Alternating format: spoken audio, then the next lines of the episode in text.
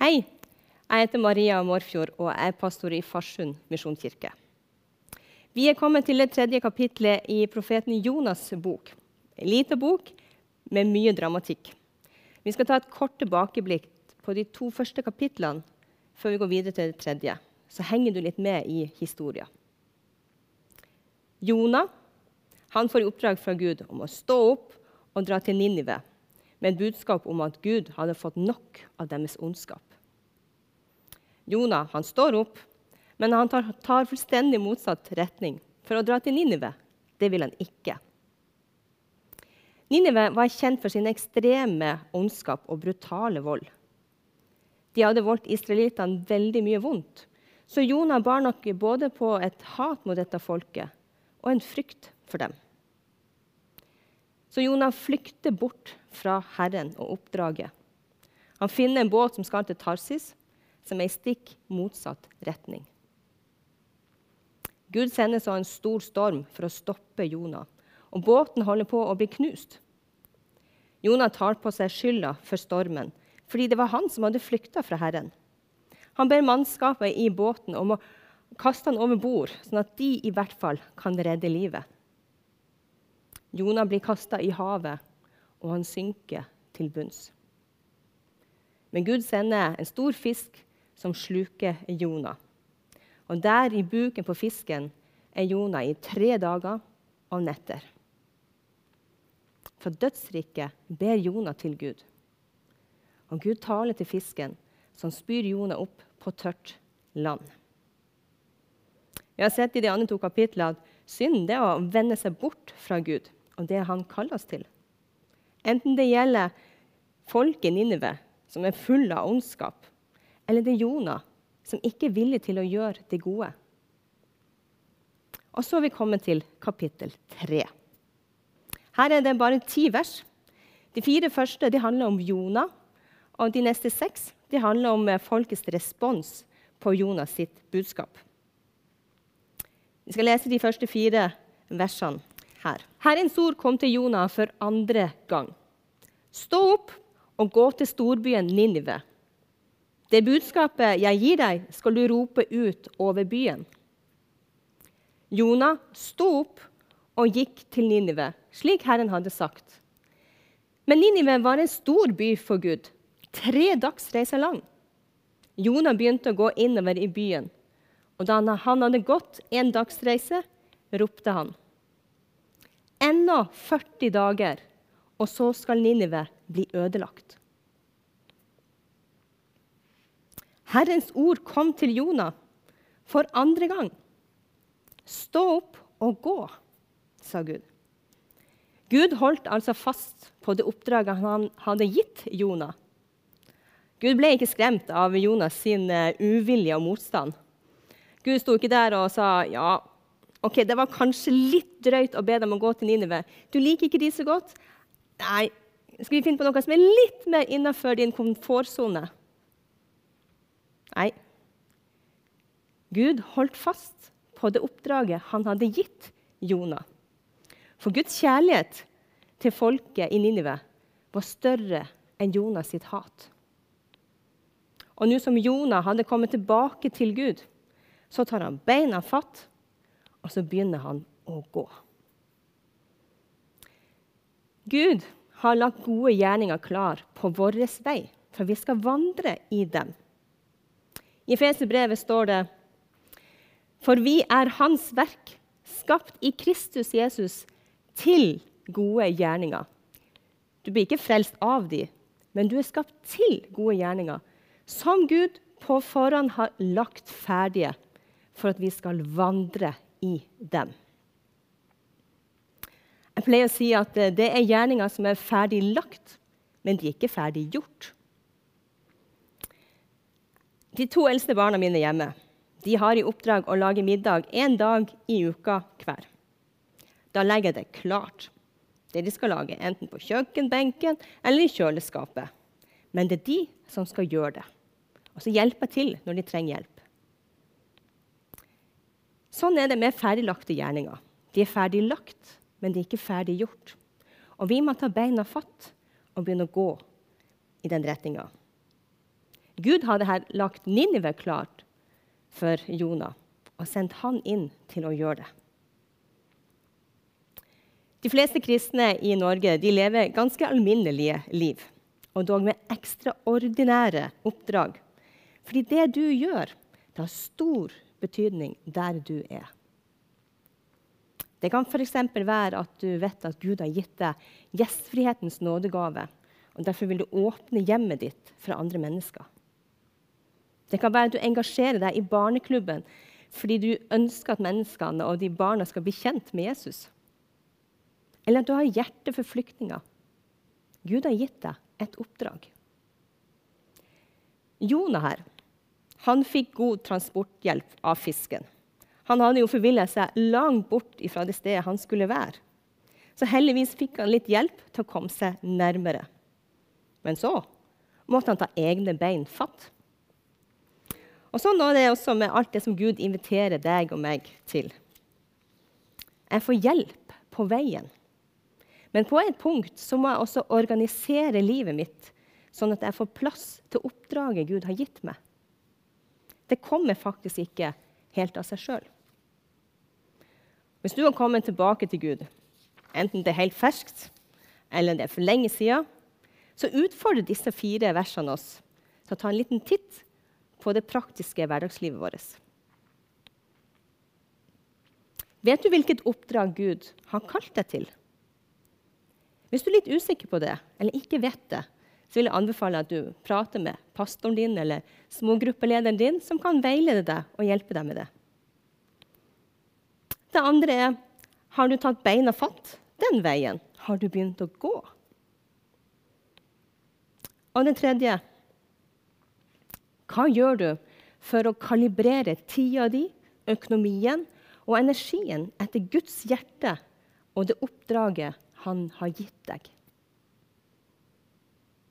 Du har tid, økonomi og energi nok til det som Gud har kalt deg til. Men det kan være at du må kutte ned på noen av de andre tingene som spiser av den kaka. I neste del av kapittel 3 så ser vi at byen vender om når Jonah kommer. Her leser vi. Da trodde folket i Ninive på Gud. De ropte ut en faste og kledde seg i sekkestrie, både store og små. Da kongen av Ninive hørte om dette, reiste han seg fra tronstolen og tok av seg kongekappen. Han kledde seg i sekkestrie og satte seg i aske. Han lot rope ut i Ninive, etter påbud fra kongen og hans stormenn. Ingen, verken mennesker eller dyr, storfe eller småfe, må smake noe som helst. De skal ikke beite og ikke drikke vann. De skal kle seg i sekkestrie, både mennesker og dyr, og rope til Gud av alle krefter. Hver og en skal vende om fra sin onde vei og fra sine overgrep. Hvem vet? Kanskje Gud vil snu om og angre og vende seg bort fra sin brennende vrede, så vi ikke går under. Gud så hva de gjorde, at de vendte om fra sin onde vei. Da angret Gud på det onde han hadde sagt at han ville gjøre mot dem, og han gjorde det ikke.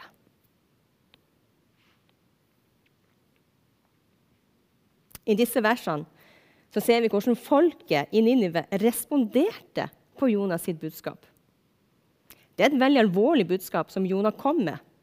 Om 40 dager så skulle byen ødelegges.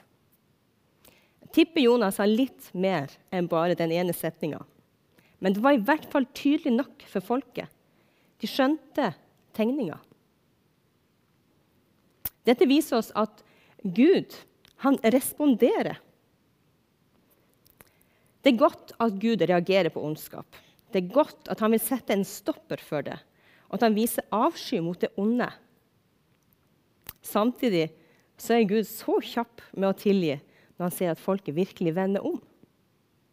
Det står at Gud angra det onde han hadde sagt han ville gjøre, og så gjorde han det ikke. Hva betyr egentlig det? Vingler Gud? Nei. Gud angrer ikke på samme eh, måte som oss mennesker. Når jeg gjør noe dumt, da angrer jeg. Men når Gud angrer, så handler det om at han er en Gud som responderer på det vi gjør. Når vi gjør det onde, så vil Gud si ifra. Her er det en konsekvens. Gud er ikke likegyldig. Den veien du går, det fører til død. Og Guds vrede er motivert av kjærlighet. Det er en kjærlighet i det. Sist søndag fikk du høre Jim Foss tale om tøff kjærlighet. Og Gud kan advare med tøff kjærlighet før du kommer til veis ende. Og det er jo nettopp fordi han vil at du skal vende om, komme tilbake. Vende deg bort fra det onde, sånn at han kan respondere med sin nåde. Sånn at du ikke skal gå fortapt. Akkurat sånn responderte Gud på Jonas sin bønn da han lå i buken på fisken. Vi ser at Gud hater synden, men han elsker synderen. I romerbrevet står det at alle har synda og mangler Guds herlighet. Ikke bare de som er i Ninive og hadde så mye ondt på rullebladet. Alle har synda. Og syndens lønn er døden, men Guds nådegave er evig liv i Kristus Jesus, vår Herre. En gave. Og det er nettopp fordi Jesus betalte din skyld da han ga sitt liv for deg. Jonah-tegnet som Jesus snakker om, handler om at slik som Jonah var i fiskens buk i tre dager og netter, på samme måte skulle Jesus være i dødsriket i tre dager og netter. Noen venner i Farsund hadde vært på ferie i Israel med en guide. Og De kom begeistra hjem og så fortalte de at de hadde lært noe nytt om Jonah. Vi har jo ofte et bilde at Jonah liksom svømmer rundt nede i buken på fisken. Men jødene de er ikke i tvil om at Jonah var død i buken på fisken. Du kan lese bønna til eh, Jonah i kapittel 2. Så kan du tenke litt over det sjøl. Men det vi vet, som er sikkert, i hvert fall, det er at vi ofte går rundt med et sånn annet bilde av hva det vil si å være død og levende, enn det som Bibelen tegner, og det som Jesus forteller om. Vi har bare en sånn fysisk tilnærming til det. At de som de som du ser vandre rundt på jorda, det er de levende. Og de døde de vi begraver. Jesus han har med et vertikalt bilde ut av det. At blant de døde, sier han, så er det levende. Og blant de levende så er det døde. Sånn er det Bibelen forteller om det. Døden er ikke å slutte å eksistere. Det er en separasjon av noe som var ment å holde sammen. Da Jesus døde, så var det ingen tvil om at han var fysisk død. Men Jesus han dro ned til dødsriket, hvor han forkynte de gode nyhetene og satte fanger fri. Derfor kunne han si til røveren på korset i dag skal du bli med meg til paradis. Gud har skapt oss til å leve evig med Han. Døden er først og fremst å bli skilt fra Gud. Enten det skjer mens vi vandrer på jorda her, eller i dødsriket. Jesus, som tok vår plass på korset, han ropte, 'Min Gud, min Gud, hvorfor har du forlatt meg?' For at du og jeg ikke skulle oppleve å bli gudsforlatt. Dødsriket hadde ikke makt over Jesus, og Gud reiste han opp fra døden da Jesus var ferdig med oppdraget sitt. Jesus sa, 'Jeg er veien, sannheten og livet.' Ingen kommer til far utenom gjennom meg. Og Foran deg så ligger disse to veiene. Hele himmelen jubler hver gang noen velger å gå fra dødens vei til livets vei. Hva er din respons? Hvordan responderer du når noen sier ifra om at dine valg og din livsvei ikke er i tråd med livets vei. Vi lever i et samfunn hvor de fleste mer eller mindre er litt redd for å blande seg i hva andre gjør, og hva andre tror. Det er ikke så rart, for det er ganske hardt klima nå om du hever røsten og sier det som er strømmen imot. Da kan du få smekk. Og ja, det finnes mange som har mye på hjertet, men ikke så mye i det, som Trygve Skau sier. Og mitt spørsmål nå det handler ikke om hvordan andre sier ifra. Det handler heller ikke at du skal sluke alt som blir sagt. Ikke misforstå. Men hvordan reagerer du når andre sier fra om din vei? Blir du fornærma og tenker 'det har det ingenting med'? Eller unngår du sånne mennesker? I kapittel 3 i Jonas' bok så leser vi om kongen i Ninive. Selv kongen i Ninive ydmyka seg. Han tok av seg kongekappa og steg ned fra sin høye tronstol. Et sterkt ytre tegn som de brukte med å kle seg i aske. Kle seg i sekkestrie og sette seg i aske på deres indre ydmykhet. Kongen bøyde seg for Gud. Kongen vendte om. Ikke bare sånn i all hemmelighet, men i all offentlighet. Hva er din respons? En kort tid så gjør det vondt i stoltheten vår, men frukten er evig liv. Budskapet til Jonah om at 40 dager skulle gå før byen ble ødelagt, det var ikke et tilfeldig antall dager.